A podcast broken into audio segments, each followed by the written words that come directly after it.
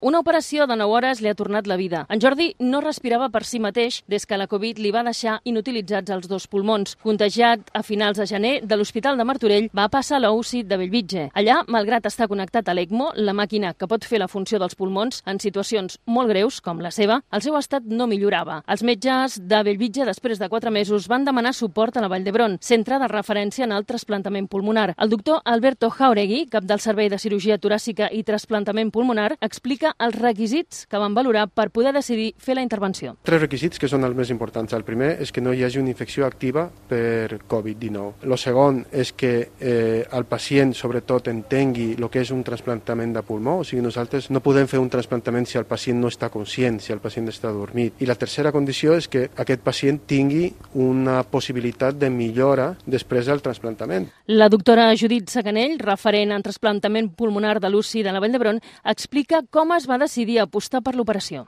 Si ho feia molt aviat no donàvem opció a lo millor que pogués millorar i sortir d'ECMO i si esperàvem molt, doncs a lo millor ja no arribàvem a temps. Valorar això, que realment en el moment que vam pensar que no hi havia una altra opció i que el malalt estava en condicions d'afrontar i superar el trasplantament. En Jordi està fent ara rehabilitació i quan pugui caminar tornarà cap a casa seva. Un primer desig quan surti al carrer. Menjar-me un arròs amb bogavante.